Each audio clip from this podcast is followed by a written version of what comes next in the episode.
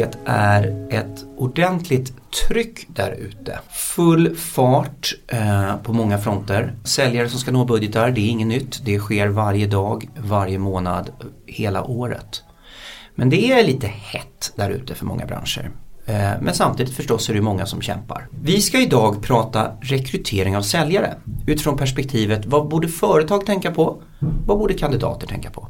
Då har ju inte jag med mig vem som helst utan då har jag självklart valt en person som har jobbat med headhunting och rekrytering av säljare i väldigt många år och dessutom framgångsrikt. Det här ordet framgångsrikt är ju ändå lite viktigt. Eh, det är en person som vet vad han gör. Välkommen Robert Consato från Closers. Stort tack Ken. Var det där en värdig introduktion av dig som person? Ja men det tycker jag absolut. Mm. Är du framgångsrik? Är ni framgångsrika på Closers? Det beror på vilket eh, perspektiv man ser det. Eh, som alla bolag så har ju vi gått upp och ner. Så det är klart vi har haft framgångsrika perioder och vi har haft perioder där vi har varit mindre framgångsrika. Så det beror på lite.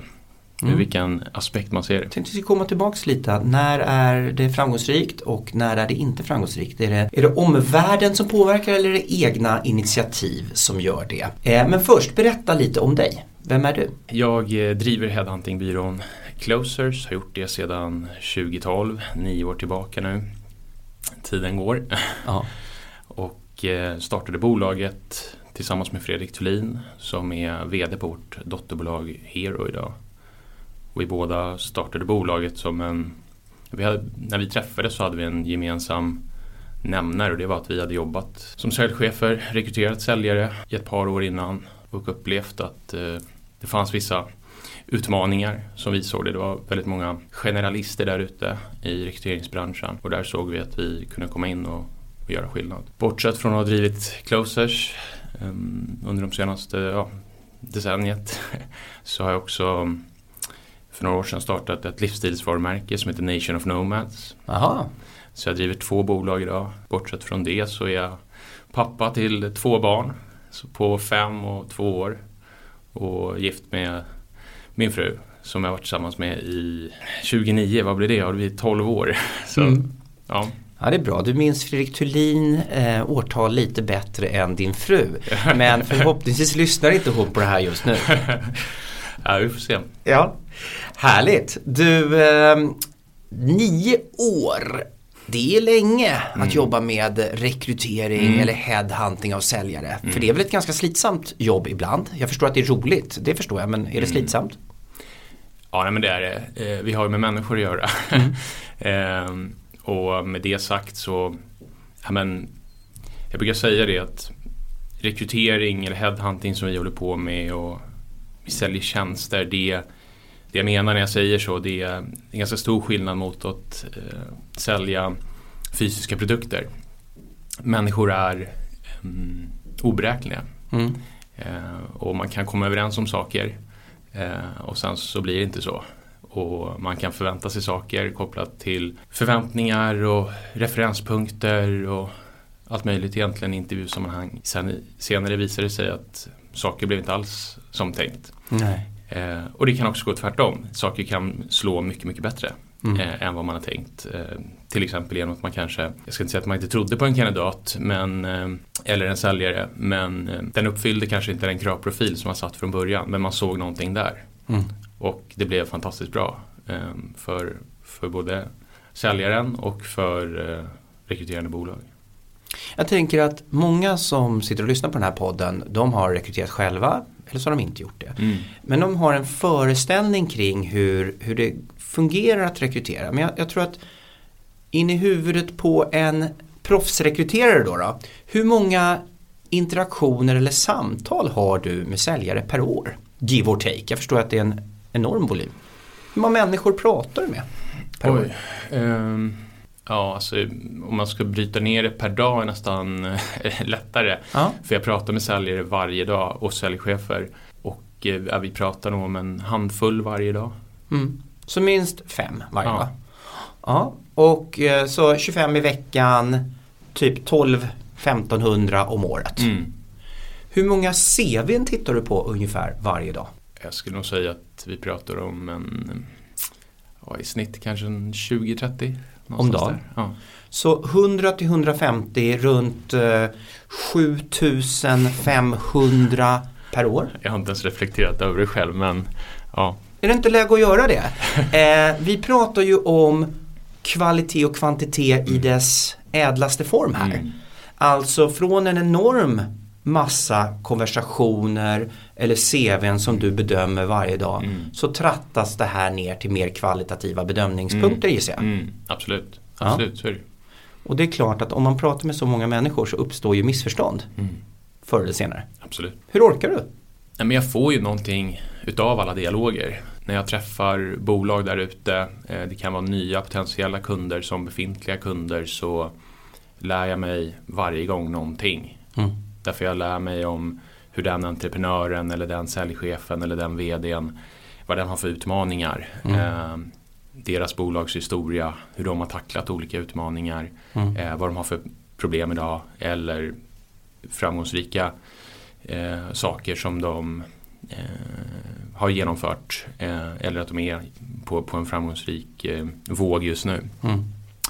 Um, så man lär sig genom varje dialog och, ja, och som sagt även också såklart det är ju dialoger med, med kunder men även med säljare och mm. säljchefer som, är, som vi kontaktar för att eh, rycka dem till, till, nya, mm. till nya spännande bolag. Och där lär man sig också väldigt mycket om alltså hur, hur försäljning ser, alltså det försäljning ser så enormt olika ut på olika bolag i olika branscher, eh, vart i eh, värdekedjan eh, man som bolag befinner sig i så skiljer sig mm. försäljningen åt. Mm. Eh, storlek på bolag, hur mm. organisationen är strukturerad.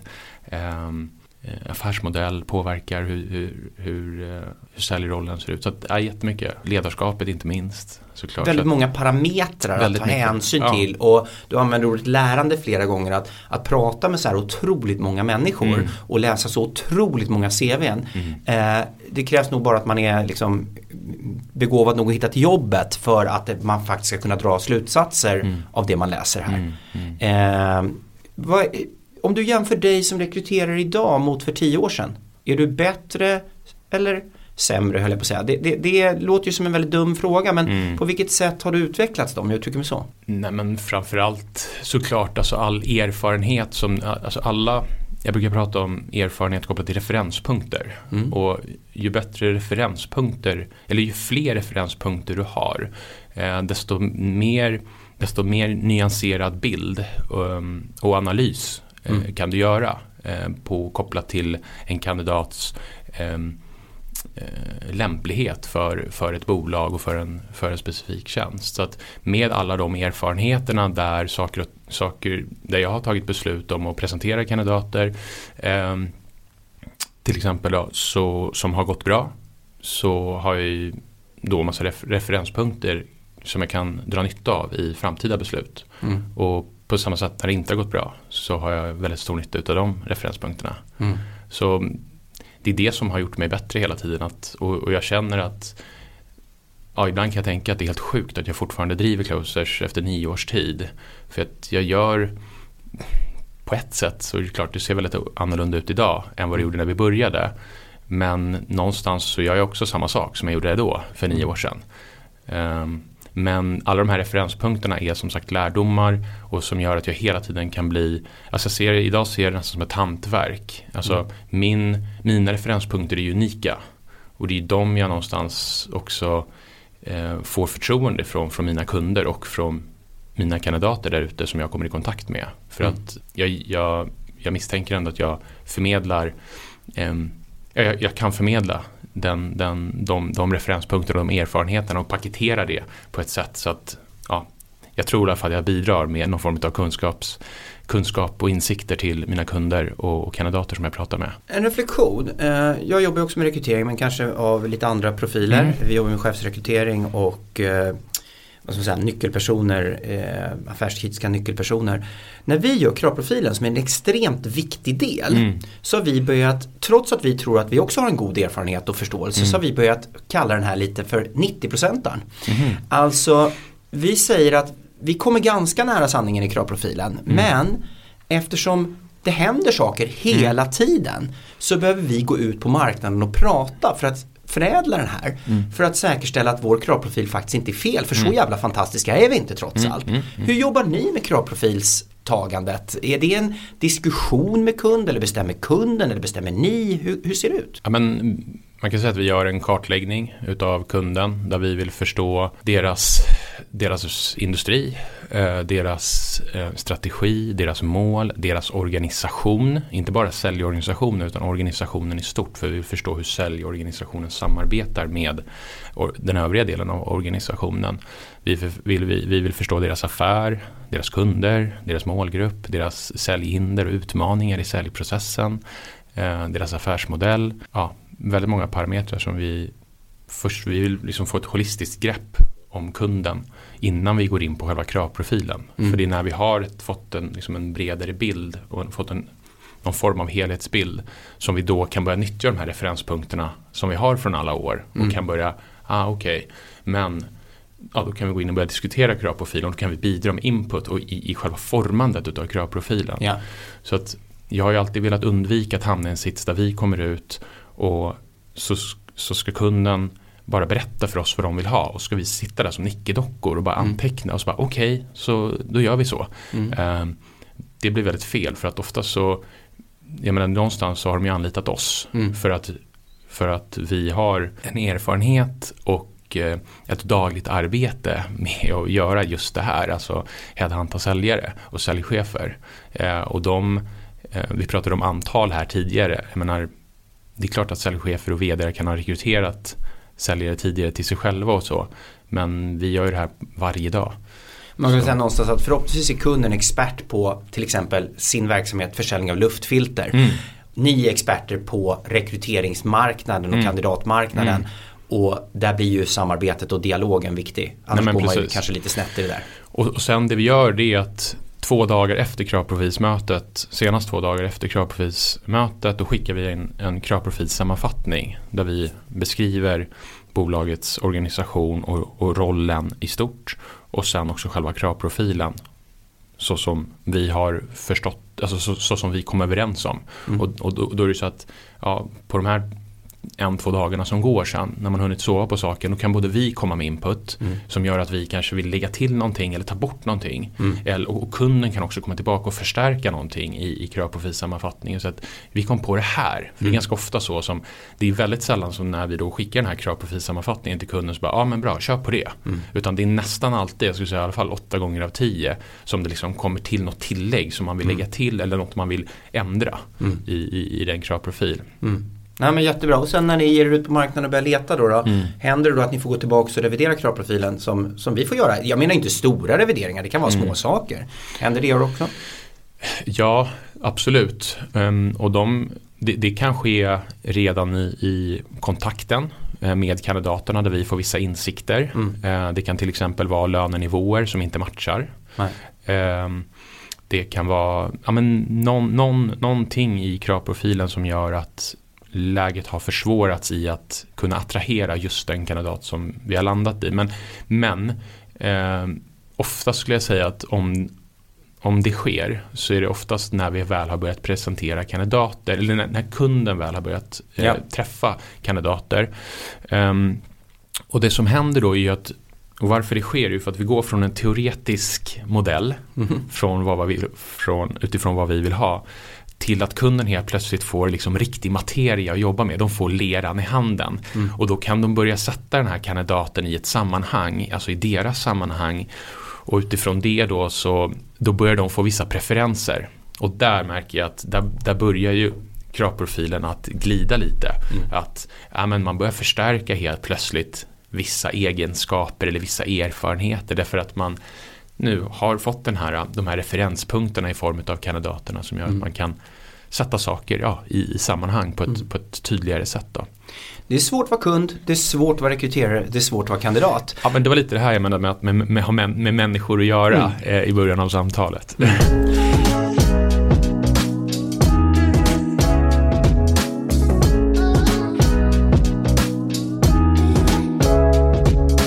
Du, vad är dos and don'ts för ett rekryterande företag? Vad är det man måste tänka på i liksom, positiv bemärkelse? Då, då? Ja, och, och, jag pratar ur perspektivet headhunting och då menar jag att det är antingen de själva eller vi som, som har attraherat en kandidat på kandidatmarknaden som är i ett läge där den trivs på sitt, på sitt jobb. Eh, Fast har, det behöver man väl inte göra? Den måste inte trivas men, men, men, men den är inte i ett läge där den liksom aktivt ah, söker sig mm. bort. Så, mm. kanske, så ska jag trycka mig. Mm. Um, ja, så, och utifrån det perspektivet så då har de inte sökt jobbet och då behöver man som, som rekryterande företag och potentiella arbetsgivare förstå att i, i det här första mötet så behöver man ägna minst halva mötet till att göra en bra introduktion till bolaget mm. på ett säljande sätt men inte på ett översäljande sätt. Um, och där upplever jag att det, det med nya kunder som inte har riktigt jobbat med oss tidigare och på det sättet med rekrytering tidigare så behöver vi ja, coacha dem eh, i att förstå att ni kan inte nu, det här är inte en kandidat som liksom har sökt jobbet till er utan i det här första mötet så kommer ni behöva lägga tid och engagemang på att presentera er och i syfte att få den här kandidaten att få ett, ett förstärkt och förbättrat intryck kring er som gör att den blir intresserad av att fortsätta dialogen med er. Och den kommer till er med en mer eller mindre stark nyfikenhet. Mm. Men den är inte konkret intresserad av att börja jobba hos er. Mm. Uh, utan vi kommer med en kandidat eller kandidater som vi presenterar, de är nyfikna på er. Har, och vi har liksom öppnat den dörren. Mm. Får jag fråga en sak, vi ska inte prata om oss, mm. men en sak i det här mötet mm. mellan en headhuntad mm. kandidat mm. och det här företaget, så coachar ni företaget. Mm. Någonting jag har upplevt, mm. det är att det här är ett, ett otroligt svårt möte på ett sätt. För att Kandidaten är inte helt klar över huruvida de vill ha jobbet och det är ju inget konstigt. Utan de kommer dit och kanske vill ha svar på ett antal frågor. Men om de inte är tillräckligt motiverade och på, mm. då kan de upplevas som ifrågasättande eller passiva i det här mötet. Mm. Coachar ni kandidaterna någonting kring att de också i alla sina frågor och funderingar också lyckas komma igenom med sin passion som de ändå har för att vara i det där mötet. Förstår du vad jag menar? Mm, mm. Ja, absolut. Mm. Eh, och det jag brukar rekommendera kandidater att göra innan mötet de går dit. För nu är det ju så, det är ändå så att de investerar en del tid i ja. att gå dit. Så eh, jag, brukar, ja, jag brukar egentligen förmedla att fundera igenom vad du vill veta. När du går ut från det där mötet, mm. vad vill du ha med dig från det mötet? Mm. Vad är ditt mål? När du liksom har kommit ut från det här mötet, vad vill du ha med dig? Eh, det, det, innebär att du behöver ställa ett, ett visst antal frågor och det behöver du landa i. Mm. Så gå inte bara dit på måfå eh, eller bara liksom på, på chans och se vad det blir. Eh, utan förbered dig genom att ja, men gå in hos dig själv eller gå in i dig själv och, och, och, och fråga dig så här, men vad är viktigt för mig att mm. få reda på, få svar på för mm. att jag ska vara beredd att investera ännu mer tid i en sån här process. Mm. Eller för att jag ska känna att äh, men, det här är inte riktigt rätt för mig. Nej. Men inte på bekostnad av att man inte lyckas förmedla en en, en liksom bilden av sig själv. För det är den jag menar som är komplex. Att om mm. du kommer in och jag ställer frågor till dig hela tiden. Vad har ni att erbjuda mig då? Mm. Vad finns mm. det här då? Hur är det här? Mm. Då finns det ju en risk att man glömmer bort att förmedla bilden av en själv som jäkligt hungrig, duktig. Eller händer inte det i era processer? Jo, alltså en, en, en del i det här är ju också, förutom frågorna, är ju att vi också förmedlar att liksom tänk igenom dina styrkor. Ja, exakt. Eh, mm. Så, att, så att det är en annan sak som vi ofta coachar om. Så att, tänk igenom var beredd på att det kan komma frågor där de vill, exempli där, där, där de vill att du ska kunna exemplifiera dina styrkor mm. eller dina framgångar. Så att om du säger i mötet att du till exempel har vunnit eh, någon jättestor affär var beredd på att det kommer en, en, en följdfråga där de vill att du berättar lite mer om den här affären. Mm. Eh, eller om du berättar om dina styrkor. Eh, att eh, du eh, sticker ut som säljare i, i ert säljteam på det här och här sättet. Så var beredd på att du, du kommer, kan få en följdfråga där, där de vill att du ska kunna exemplifiera det. Så tänk igenom det. Jättebra. Vad är dina styrkor och, och, på vilket sätt har det visat sig eh, genom historien? Jättebra tips, det var liksom det jag var ute mm. också. Så att kandidater som lyssnar på det här kan vara beredda på just att eh, de här beteendefrågorna, hur gick du tillväga för att mm. landa den här affären? Mm. Det är en fråga som, som bra kunder och rekryterare mm. ofta ställer. Mm. Nej men absolut.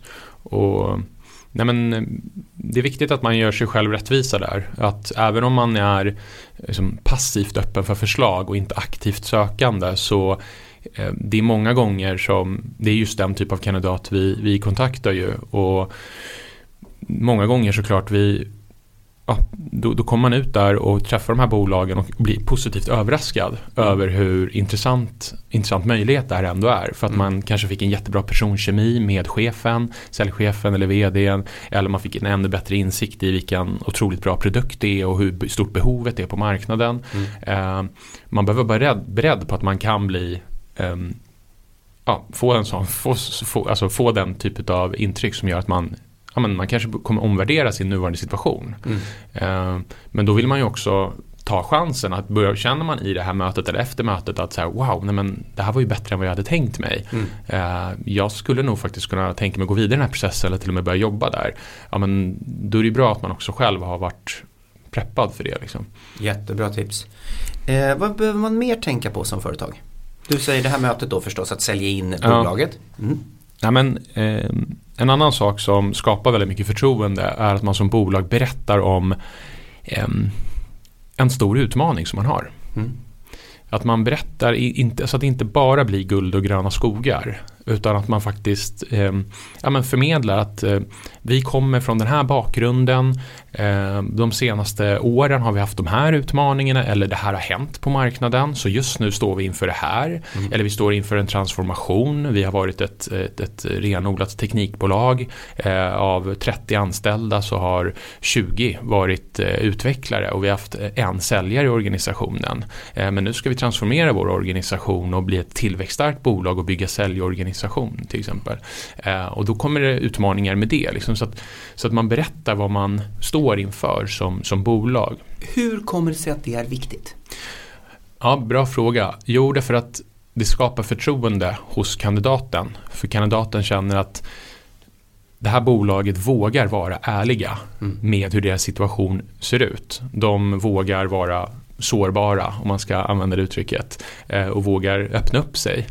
Ehm, och ehm, det är bra därför att kandidaten kan då värdera den här möjligheten på ett mer nyanserat sätt och då också landa i att ja men det här är en utmaning som jag triggas av. Jag går igång på när bolag har, har utmanande på det här sättet till exempel.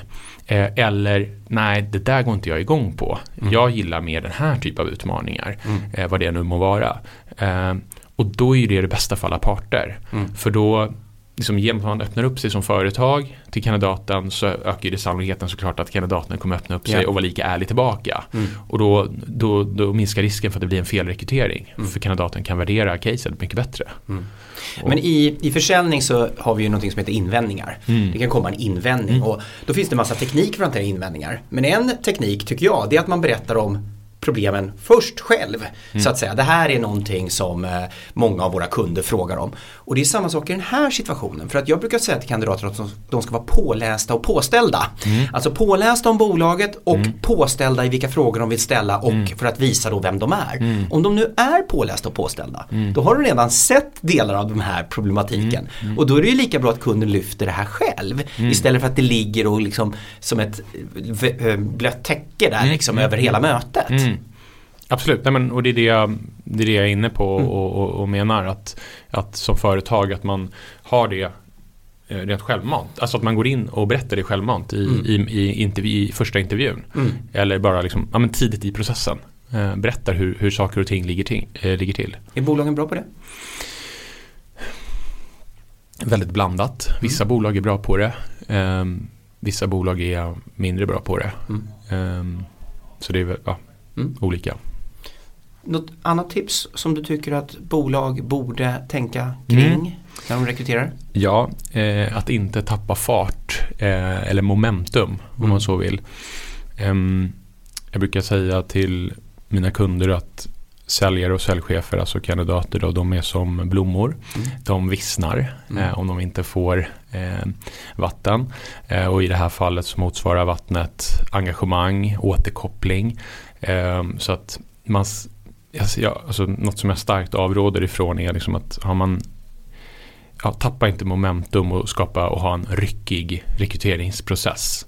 för det, det är avtändande mm. för en kandidat. För att kandidaten har gått in, vi har väckt intresset, nyfikenheten hos den här kandidaten. Den går in, har en viss förväntan, kanske byggs upp också en ännu högre förväntan efter första mötet. Man klickade, saker och ting kändes jättebra.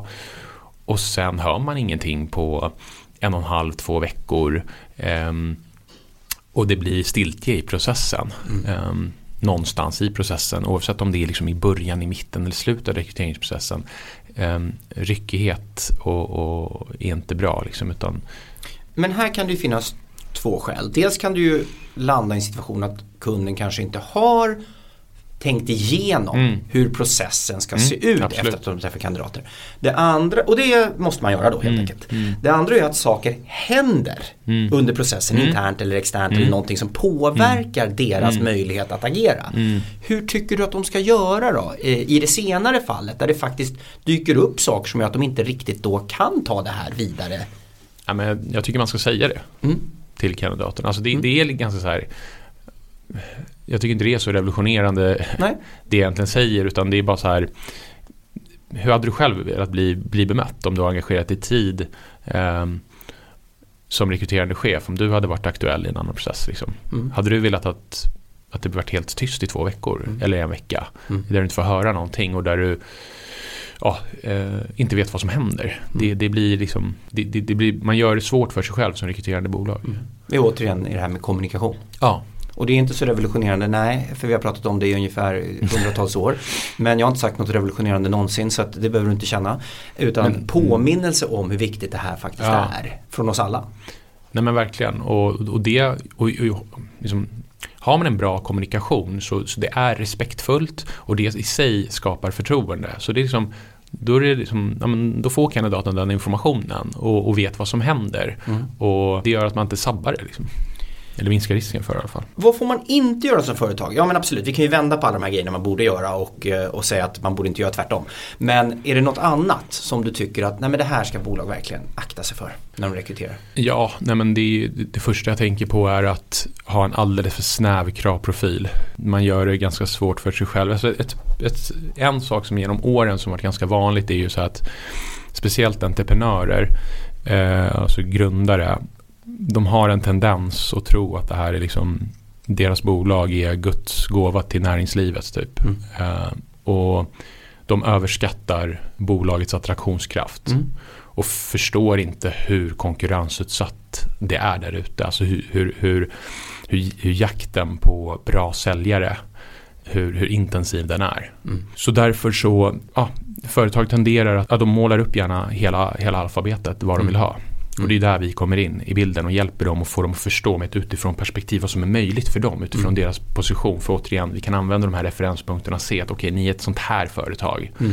Eh, företag Y eh, eh, om vi ska kategorisera bara som någonting, att företag Y-företag, ja de, de kommer inte lyckas attrahera den här typ av kandidat som, som de kanske har tänkt sig Nej. på grund av ja, olika faktorer. Jag har en liten reflektion kring det här mm. som jag själv tycker är rolig så jag tänkte dra den. Det är att dels överskattar vissa typer, jag har några sådana där vänner som driver bolag idag.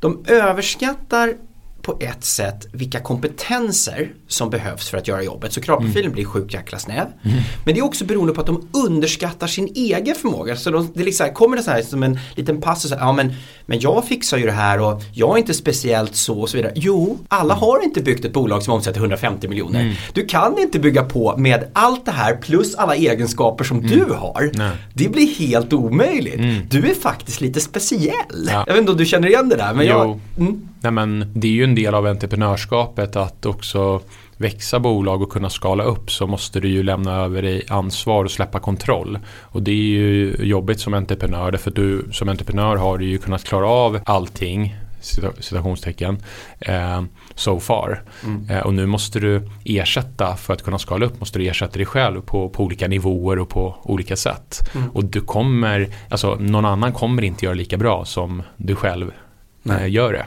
Eh, och det måste du leva med. Och det, det kommer att kosta lite grann. Men, men eh, du måste ju ta den risken. Ja men det är bra, det här säger du efter att ha gjort eh, hundratals rekryteringar, läst 7500 CVn, pratar med ja, tusentals personer per år. jag tycker ändå att det finns visst fog för att det du säger, det finns, ligger någonting i det. Vi ska prata lite lön. Får jag lägga till en till ja. grej bara som jag tänker ja. på kopplat till det där. Det är ju också med att för snäva kravprofiler är ju att den typen av rekrytering om man nu ska rikta in sig på den här drömprofilen som har hela alfabetet nu Alltså den typen av rekrytering kommer ta väldigt lång tid och mm. det underskattar bolag. De, de förstår inte hur lång tid det tar att mm. attrahera riktigt bra talang eh, inom sälj. Så mm, ofta har de någon så erfarenhet av att ja, så här, inom en vecka efter vi har startat så tror de att det ska komma då fem kandidater till dem som matchar den. En, mm. en sån, och mm. när vi träffar dem. Liksom. Och det är där vi får nyansera den bilden ganska kraftigt och få dem att förstå hur konkurrenskraftigt det är där ute. Eh, men också hur lång tid det kommer ta. För mm. jag brukar måla upp det som ungefär som att vi går i en skog. Mm. Eh, och vi, vi måste gå på olika stigar. Mm. Och eh, ju snävare den här kravprofilen är, desto längre tid, längre, längre in i den här skogen måste vi gå. Därför mm. att det är väldigt många kandidater på vägen som vi måste sålla bort. Ja. Eh, så den liknelsen brukar, då brukar poletten trilla ner ibland. Och mm får vi ofta en bättre dialog och, och, förståelse kring vad vi har framför oss. Vad det är för utmaning vi har framför oss. Jättebra tillägg och, och på tal om den där stigen och in i skogen så är det ju så att lönen gör ju också att du kanske måste långt, långt in i skogen. Mm. Om det finns en begränsning eller någonting. Mm. Hur, hur är lönesituationen i Sverige 2021? Bara öppen reflektion. Hur ser det ut på säljarsidan?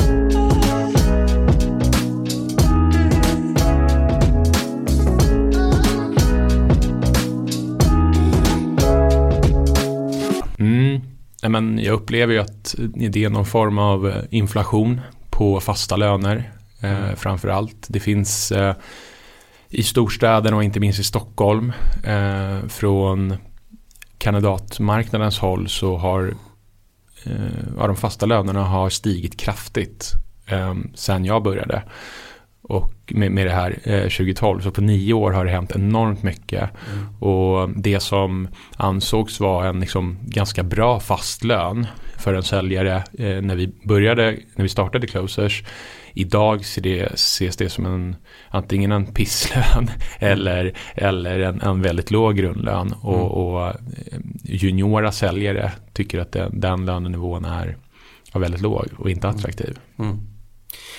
Egentligen så tycker jag att det är upp till var och en att bedöma mm. vilken lön de vill ha mm. och vad marknaden vill betala. Mm. Och dessutom så kan det ju vara så att vi håller på och förändrar lönestrukturen mm. till att få högre fasta och lägre rörliga och det kan ju mm. också vara positivt. Så där är jag ganska neutral. Mm.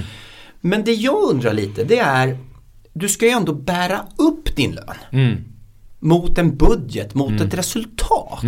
Och jag vet inte riktigt vad jag vill fråga här men ibland om du gör en kravprofil som någonstans, då har du gjort hela den här bakgrundskontrollen och pratat om affären, organisationen, ledarskapet, att tagit ner en profil och ni säger att grundlönen är 35, mållönen är 50. Mm. Sen kommer du att presentera en person som vill ha 42 mm. med mållön 60. Mm. Vad händer då? För då har ju affärsmodellen förändrats på ett sätt, alltså på det mm. sättet att får de den lönen så måste de ju prestera mer. Ja, och vi, vi, jag tror att det är en eller två veckor sedan som vi eh, faktiskt avslutade ett headhunting-uppdrag där, där vi utgick från att lönen skulle vara 35 i grundlön. Mm. Men där kandidaten fick 50 i, i, i, grundlön därefter. Med konsekvens en kraftigt höjd budget ja. eh, i, ja, i, i, paritet med den höjningen. Då. Förstår, återigen med varmaste respekt, mm. förstår alla inblandade det här på djupet? Förstår alla inblandade det här att helt, för att det har ju varit en massa intervjuer innan den här slutförhandlingen. Mm. Där, man, där det är sagt saker och ting. Mm. Sen förändras det här på mm. slutet. Mm. Hur tydlig blir man i den här kommunikationen att budget ökar och eh, aktivitetsnivån måste öka eller kvaliteten måste öka? Hur, hur sker den dialogen då? Är det bolaget som sköter den till 100% med kandidaten eller är du involverad? Vi pratar ju om det med med, eh, med rekryterande bolag, alltså vår kund, så mm. nämner vi det att ja, kan ni sträcka er så här mycket så ja det är ju positivt för då kommer ni kunna landa den här kandidaten. Mm. Mm. Eh, men det är ju självklart alltså en logisk följd att, att resultatet, eh, alltså in, in, intäktsbudgeten måste ju bli högre ah. oavsett hur man vrider och vänder på det.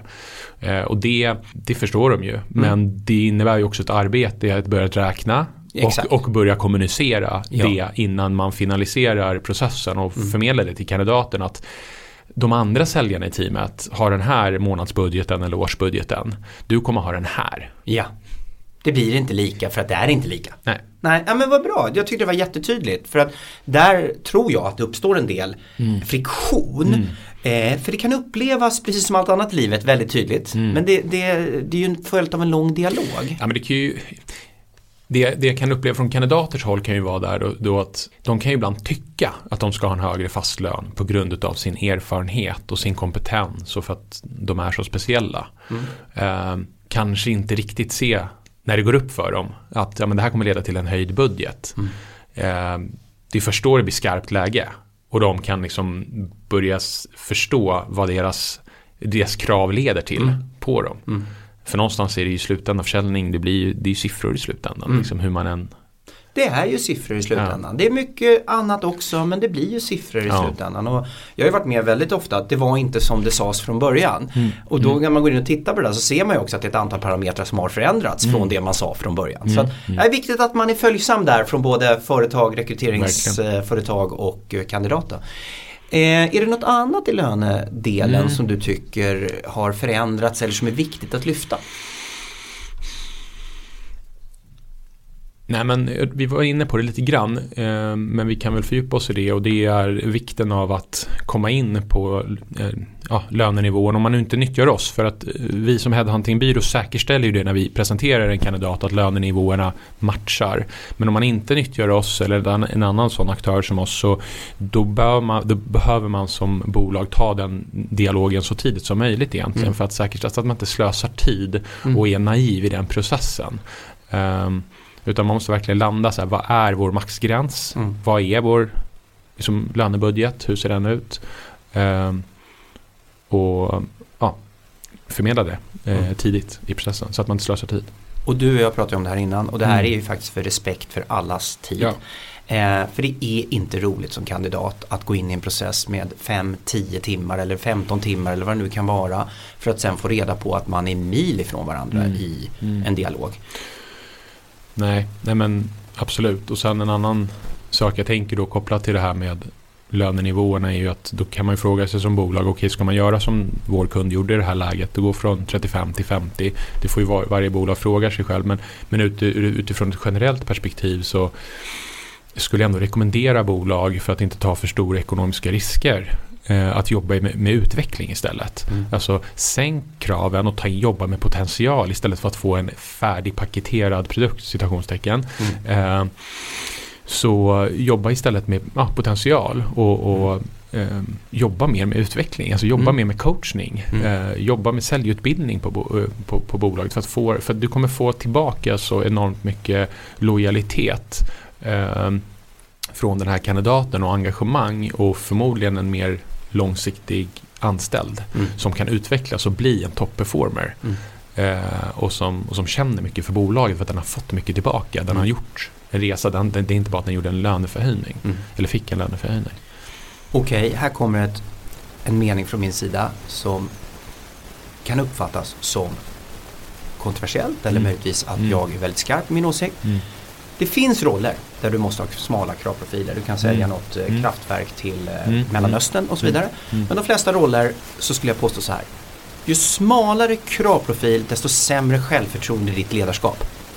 Börja titta på vad du inte behöver för att du kan faktiskt bidra med det i ditt ledarskap. Mm. Mm. Då går priset på kandidaten mm. ner och kandidaten kan växa hos dig tack vare ditt ledarskap. Så identifiera vad du inte behöver hos kandidaten för mm. du kan hjälpa dem med det.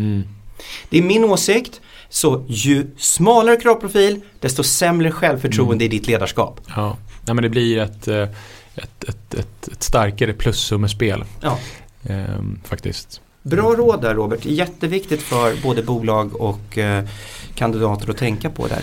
En till, som jag, en till sak som kan vara värd att nämna i sammanhanget kopplat till, till löneförhandling och så. Eh, I vissa fall så har jag varit med om bolag som man förmedlar då en viss typ av lönenivå och då sätts ju det vissa förväntningar eh, hos kandidaten. Och där är mitt råd att för guds skull om ni har en bra kandidat i pipen som ni håller på att göra klart med, gå inte ut och ge ett skambud. För det, det är väldigt avtändande och ni riskerar att sabba allt jobb som har gjorts och tappa mm. kandidaten på mållinjen. Mm. Eh, det, ja, mm. Håll er till det som är sagt. Sen självklart kan man, om man har erbjudit någon form av spann eller man har ett spann och pratat om det och så går man ut i det lägre delen av det spannet så är det naturligt och, mm. och en, en, en, det är upp till säljaren där eh, och kandidaten då att förhandla. Mm. Eh, men gå liksom inte en bit under det eh, för det sabbar bara förtroendet och mm. gör bara kandidaten till ett stort frågetecken. Jättebra inblick i lönesituationen där ute. Återigen, eh, var och en måste få förhandla om sina löner och varje bolag måste få bedöma vad de har råd med. Eh, men här har ni några tankar i processen kring lön. Och sen har vi pratat lite tips eh, hur företag borde tänka och genomföra intervjuer och processer och några få don'ts. Jag tänkte vi bara skulle snabbt, väldigt snabbt prata lite om kandidatsidan. Mm. Du inledde med att säga att det är människor mm. och jag tror att de flesta människor vill väl faktiskt. Jag tror de flesta människor vill göra bra ifrån sig men det uppstår missförstånd. Mm. Och det gör det ju ibland för att man faktiskt inte riktigt vet. Om du skulle få ge några råd till kandidater hur de ska agera eller inte agera i en process. Har du några sådana så att faktiskt alla kan känna att de blir bättre i när de söker jobb? Ja, eh, absolut. Och en första så här, vi kanske var inne på det lite grann tidigare men att gå till ett möte och inte ställa några no frågor, det är inte bra. Nej. Du kommer inte göra ett bra intryck. Så lite som vi var inne på tidigare, se till att du har gått in i dig själv och landat i vad vill du faktiskt veta. Mm. Och skriv ner de här frågorna. Och där brukar jag säga att Alltså ett enkelt, så här, bus enkelt tips på att göra ett bra intryck där man um, ja, men på ett ganska snabbt och enkelt sätt snabbt får ett förtroende det är att komma med block och penna. Mm. Eller häfte och penna. Alltså bara att du kommer dit och visar, du behöver inte ens anteckna någonting under hela mötet, men bara att det ligger block och penna framför dig på bordet gör att du har visat någonting, du, du, du har liksom symboliserat att jag är beredd och villig att lyssna på er mm. eh, och motta er eh, information eh, och jag är beredd att ta den seriöst. Mm. Ehm, du bara signalerar det. Det är en förtroendesymbol. Ja. Har du med dig block och penna när du eh, träffar kund, Robert? Jag har med mig min dator, laptop. Dator. Ja. ja. för att visa Så att, du tänker anteckna. Exakt. Ja. ja, det är bra. Och det, det är, är mer av, det är mer av effektivitetsskäl för ja. då slipper jag föra över det sen. Eh, men ja. Men det är samma princip? Det är samma princip. Liksom. Mm. Mm. Eh, sen däremot så tror jag inte du ska med din dator Exakt. kopplat till en intervjusituation. Exakt. Det är faktiskt en väldigt stor skillnad ja, det, det, absolut, absolut. Mm. Nej, så, så det är så här old school grej som fortfarande håller och jag mm. tror faktiskt kommer hålla i typ alla tider i, i, i mänskliga möten. Alltså mm. i den här typen av sammanhang i alla fall. Mm. Eh, det, och, och sen en annan sak som är fördelaktig med det om du har med dig det. Det är att du kan ju på förhand då ha antecknat de här frågorna som du vill ställa så slipper du ha dem i huvudet. Så då mm.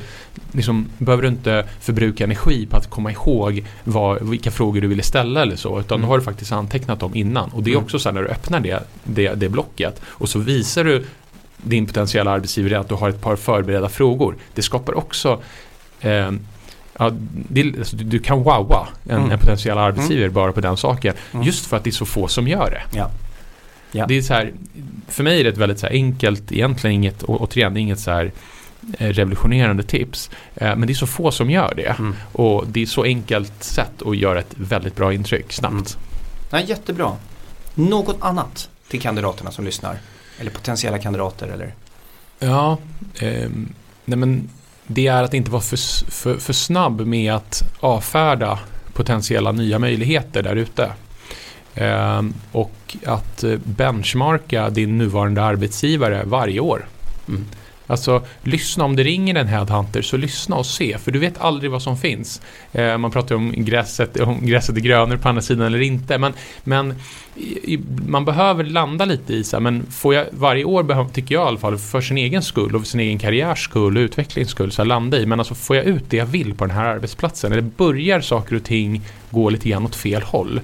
Känns allting fantastiskt och jättebra? Men fine, bra, då behöver du inte ägna någon energi på det. Mm. Men det är sällan, det, det, känns fantastiskt bra år efter år. Så börjar det kännas sådär, eller någonting inte börjar riktigt kännas hundra, så, så kan det vara värt att börja lyssna in andra möjligheter och gå på intervju, träffa en potentiell arbetsgivare inom ett område eller bransch eller typ av bolag som du tycker är intressant om du får mm. den möjligheten. Mm. Gör det och värdera den möjligheten för det kan vara så att du klickar fantastiskt bra med den chefen eller att den chefen är precis det du behöver i ditt nästa steg för att ta nästa kliv. Mm. Um, så att, att vara öppen och när du får information att inte för snabbt göra egen research och bara eh, värdera eh, caset utifrån det du ser svartvitt. Och svartvitt menar jag, det är utan att du har pratat med bolaget. Svartvitt är det här asynkrona, att du bara liksom tittar på det du kan se på, på, på, på nätet. Mm. Eh, för det är i mötet med en potentiell arbetsgivare och en, en, en kommande chef som du kan få en nyanserad bild och djuplodad bild mm. kring vad är det här för möjlighet och vad kan det ge mig? Mm. Eh, Ja, så, så det... Jättebra. Jag, bara, jag håller med till 100%. Avfärda inte på en gång, ta in informationen, lyssna. Eh, men glöm också inte att fundera kring är jag klar här eller har jag mm. mer att göra? För att det mm. finns en annan del i det här mm. och det är att vi tror att nu har jag jobbat med att boka möten i tre månader så nu är jag klar, mm. nu måste jag mm. vidare. Mm. Nu har jag jobbat som account manager i fem månader, nu måste jag bli KAM. Till slut hinner faktiskt världen i kapp. Och du måste också bli klar. Du måste ha landat x mm. affärer kanske. Mm. Du måste ha mm. lärt dig x saker i ditt uppdrag. Så den där balansgången, tyvärr har jag inga råd till mass eh, så här i en podd. Men individuellt så bolla med någon i din närhet också och, och fundera ordentligt.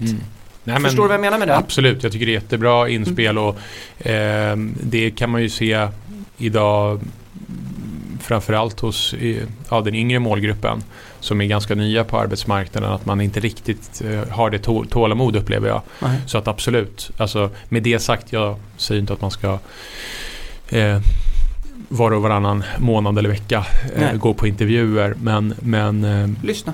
Precis, lyssna när möjligheter uppstår och självklart så se till att ha uträttat någonting där du har varit. För mm. det gör ju att du blir attraktiv. Kan du, som vi pratade om innan, kan du komma och exemplifiera vad du har bidragit med till ett bolag så blir du såklart en attraktiv kandidat. Och det, det gör man kanske inte, på de allra flesta jobb så hinner man inte så himla långt och mm. vara outstanding på ett halvår. Liksom, utan då, då behövs det minst ett år, två, tre år. Liksom, mm. så.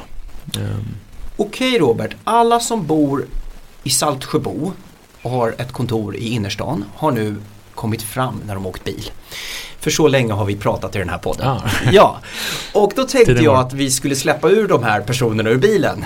Eh, och då ska du summera vad vi har pratat om här idag. Och jag tänkte du ska göra det på ungefär 30 45 sekunder. Oh, wow. Och det ska vara knivskarpt och eh, det är som en anställningsintervju där man ska minnas dig nu.